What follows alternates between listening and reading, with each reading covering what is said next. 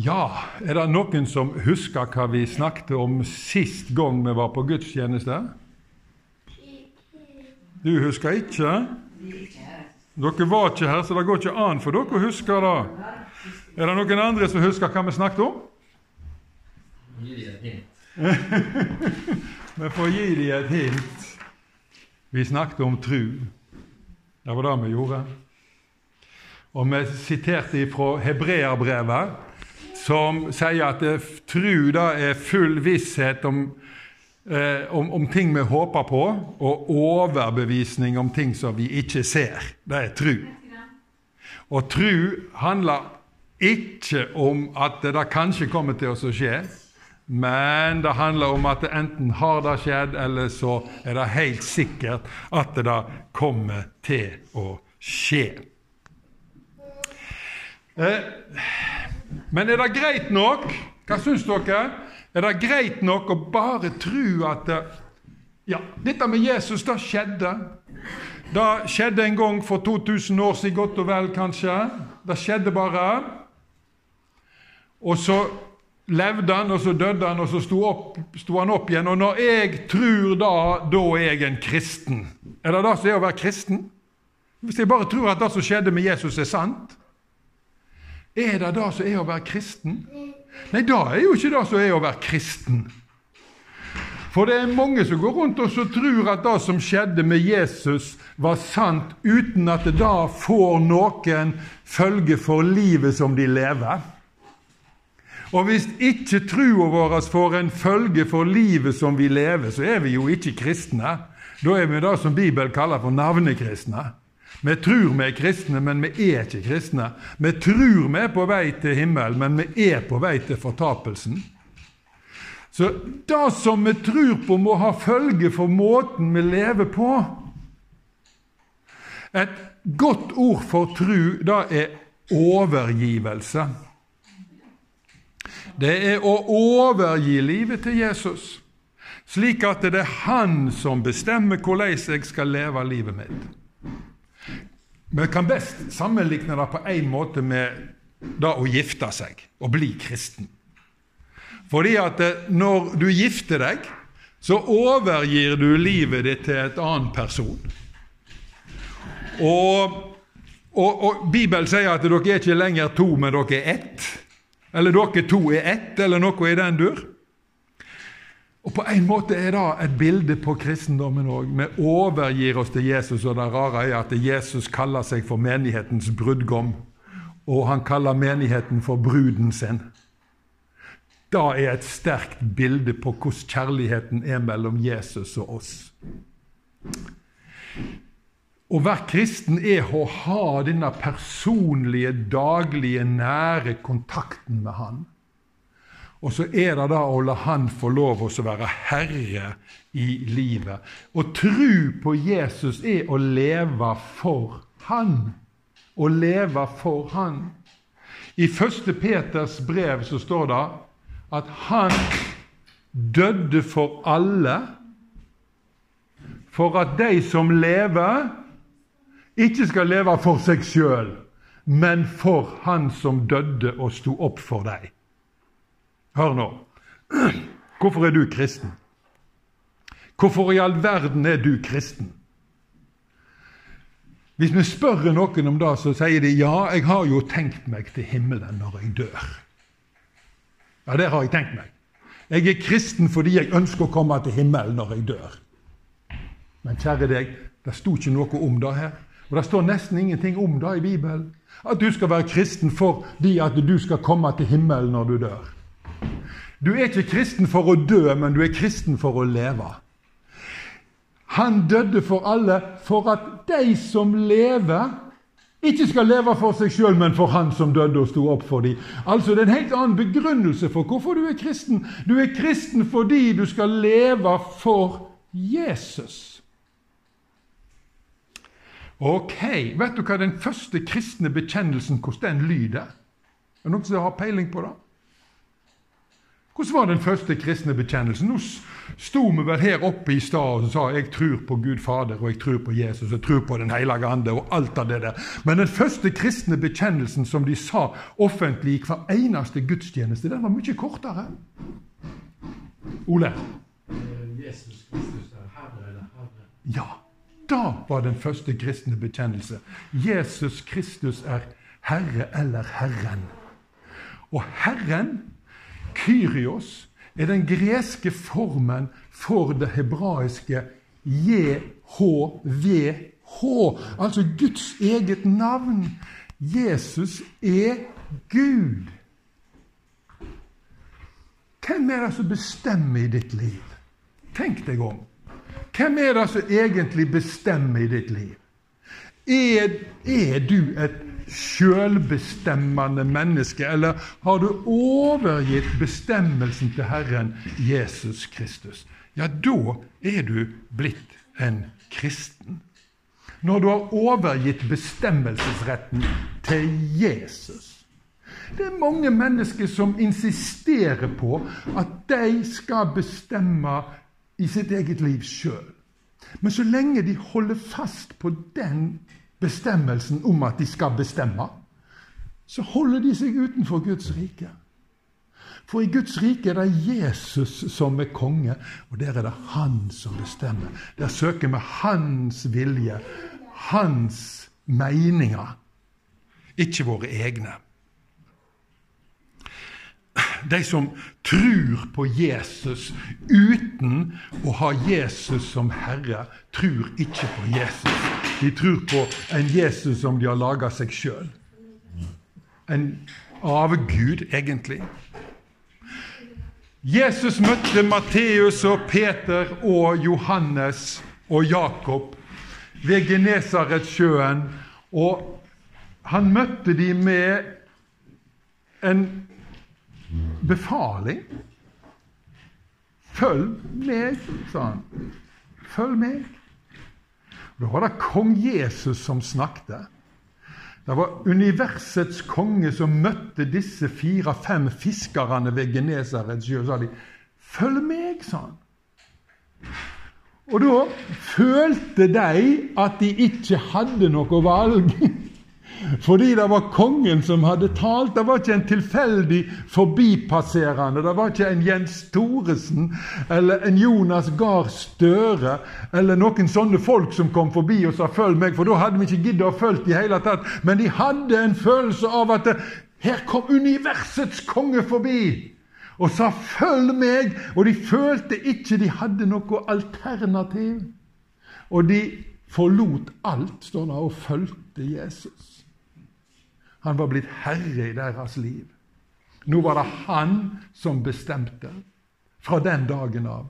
Det samme var det når Jesus møtte Matteus eller Levi på tollbua. Han gikk bort til han, og så sier han, 'Levi, følg meg.' To enkle ord som forvandla Levis liv. Han hadde sittet der og tatt imot penger for varer som skulle inn på torget ja, Kanskje ikke verdens mest interessante jobb, men han hadde nå litt inntekt av det. Men i det øyeblikket Jesus kom forbi, så ble hans liv totalt forvandla. Og han reiste seg ifra tollbua, og han fulgte Jesus. Nå er det Jesus det handler om. Og ingen andre autoriteter kan jeg ha som er høyere enn han, Jesus Kristus. Du skjønner da at det er bare som Herre at Jesus er frelser. Bare som Herre er Jesus frelser. Kan, ingen som kan ha Jesus som frelser uten å ha Han som Herre. Da bommer de, og de lurer seg sjøl. Og det er så mange kristne i Norge som ikke har Jesus som Herre, og de er egentlig ikke kristne.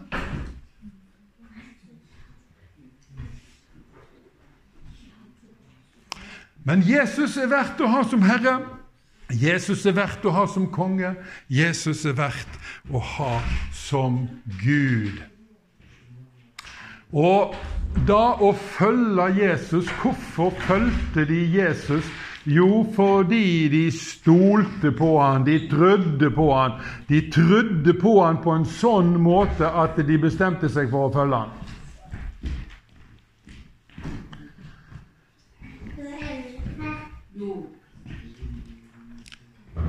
To ganger To ganger så roser Jesus folk for å ha ei stor tru. To ganger roser Jesus folk for å ha ei stor tru. Hva sier du? Har du ei stor tru eller ei lita tru? Hvordan vurderer du de egen tru? Ok, Hvis vi skal se på trua vår, så vil nok de fleste av oss si at den er litt liten. Trua. Men nå skal vi se på de gangene Jesus identifiserte og gjenkjente ei stor tru. Det var en romersk offiser som kom til Jesus helt fortvila fordi tjeneren hans var dødssjuk. Og han kom og sa, 'Herre Jesus, Davids sønn', eller noe sånt. 'Tjeneren min er dødssyk.' Ja, ja, ja, yes, no, no problem, sier Jesus. Jeg, jeg, jeg kommer for å helbrede ham. Nei, nei, nei, sa offiseren. Du må ikke komme. For, verdig, for jeg er ikke verdig til at du skal komme inn under mitt tak. Hvordan kunne han si noe sånt til en jøde, han romerske offiseren som egentlig skulle styre over jødene? Hvordan kunne han si sånt? Jo, fordi at han sto ikke bare overfor en vanlig jødisk mann, han sto overfor universets konge, og han registrerte det. Jeg er ikke verdig til at du kan komme inn under mitt tak. Men, sier han, si bare ett ord, så blir tjeneren min frisk. Og Jesus ble helt overgitt. Hæ? Tror du bare at jeg kan si et ord, og så blir tjeneren din frisk? Så sier han så stor tru har ikke jeg noen gang møtt i Israel. Men hadde du spurt hadde du spurt offiseren hvordan er det med trua di, har du ei stor tru, så ville han ikke forstått spørsmålet. Han, han hadde han hadde ikke ei stor tru, ville han ha sagt, men han hadde en stor Han hadde en stor Jesus. Han hadde en stor Jesus. Fordi det er den som har en stor Jesus, som har ei stor tru. Da må vi huske.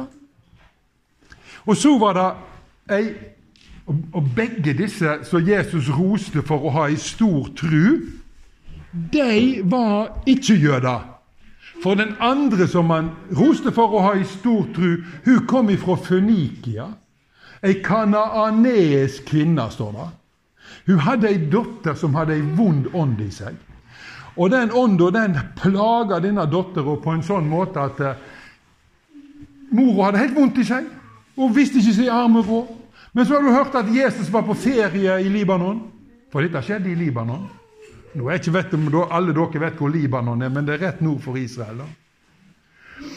Og så kom hun springende til Jesus. 'Jesus, Davids sønn, har barmhjertighet med meg.'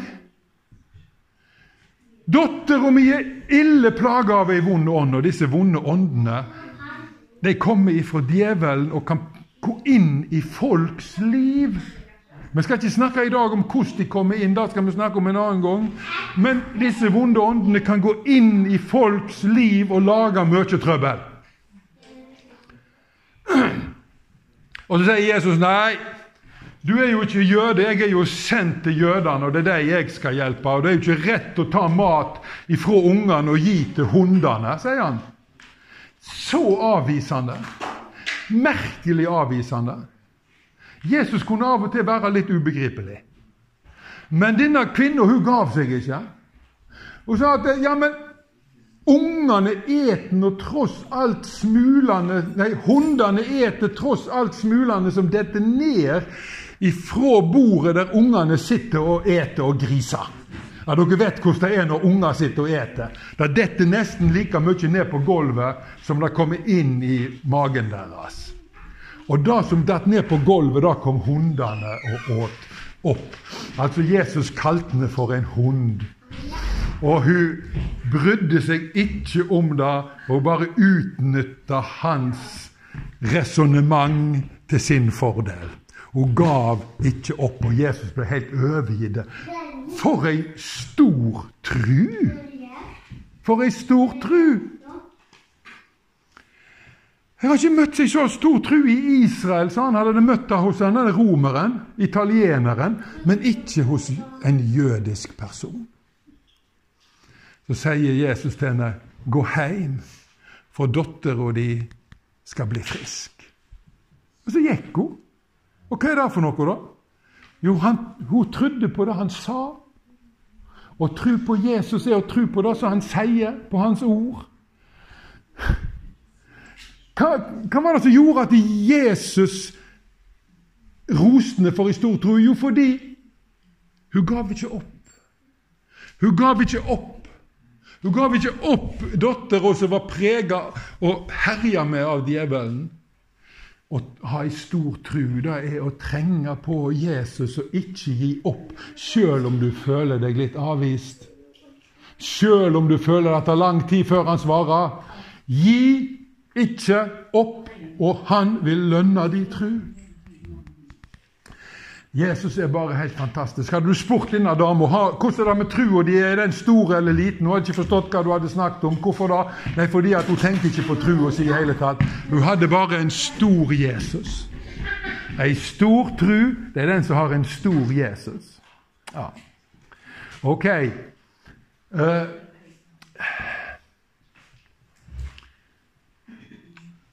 ved Genesaretsjøen Nå skal vi avslutte.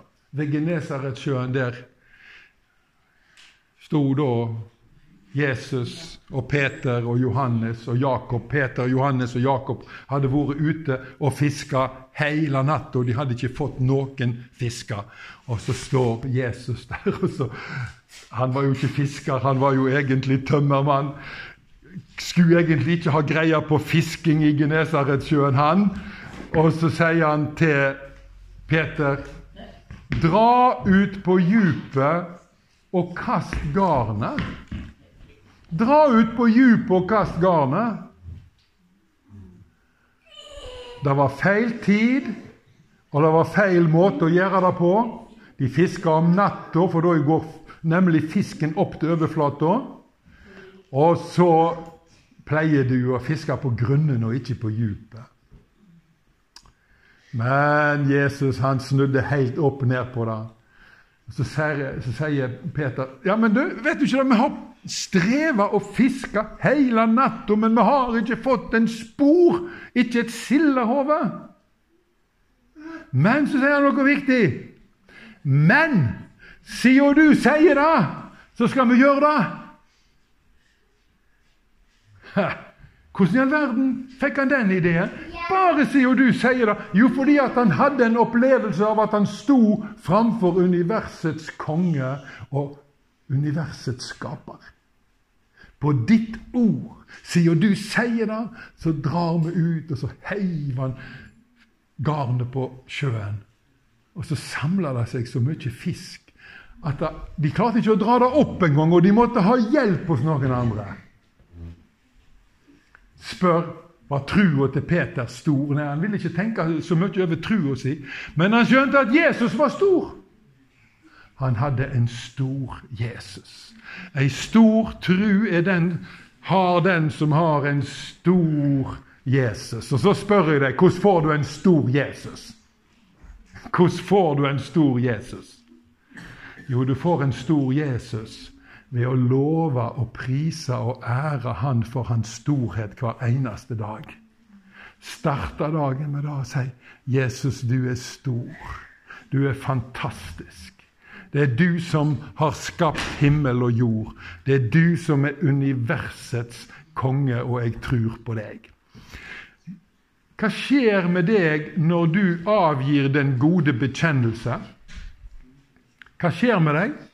Jo, Alt godt fra Gud begynner å vokse fram i din sjel ved at du framsier den gode bekjennelse. Hvordan starter du dagen din?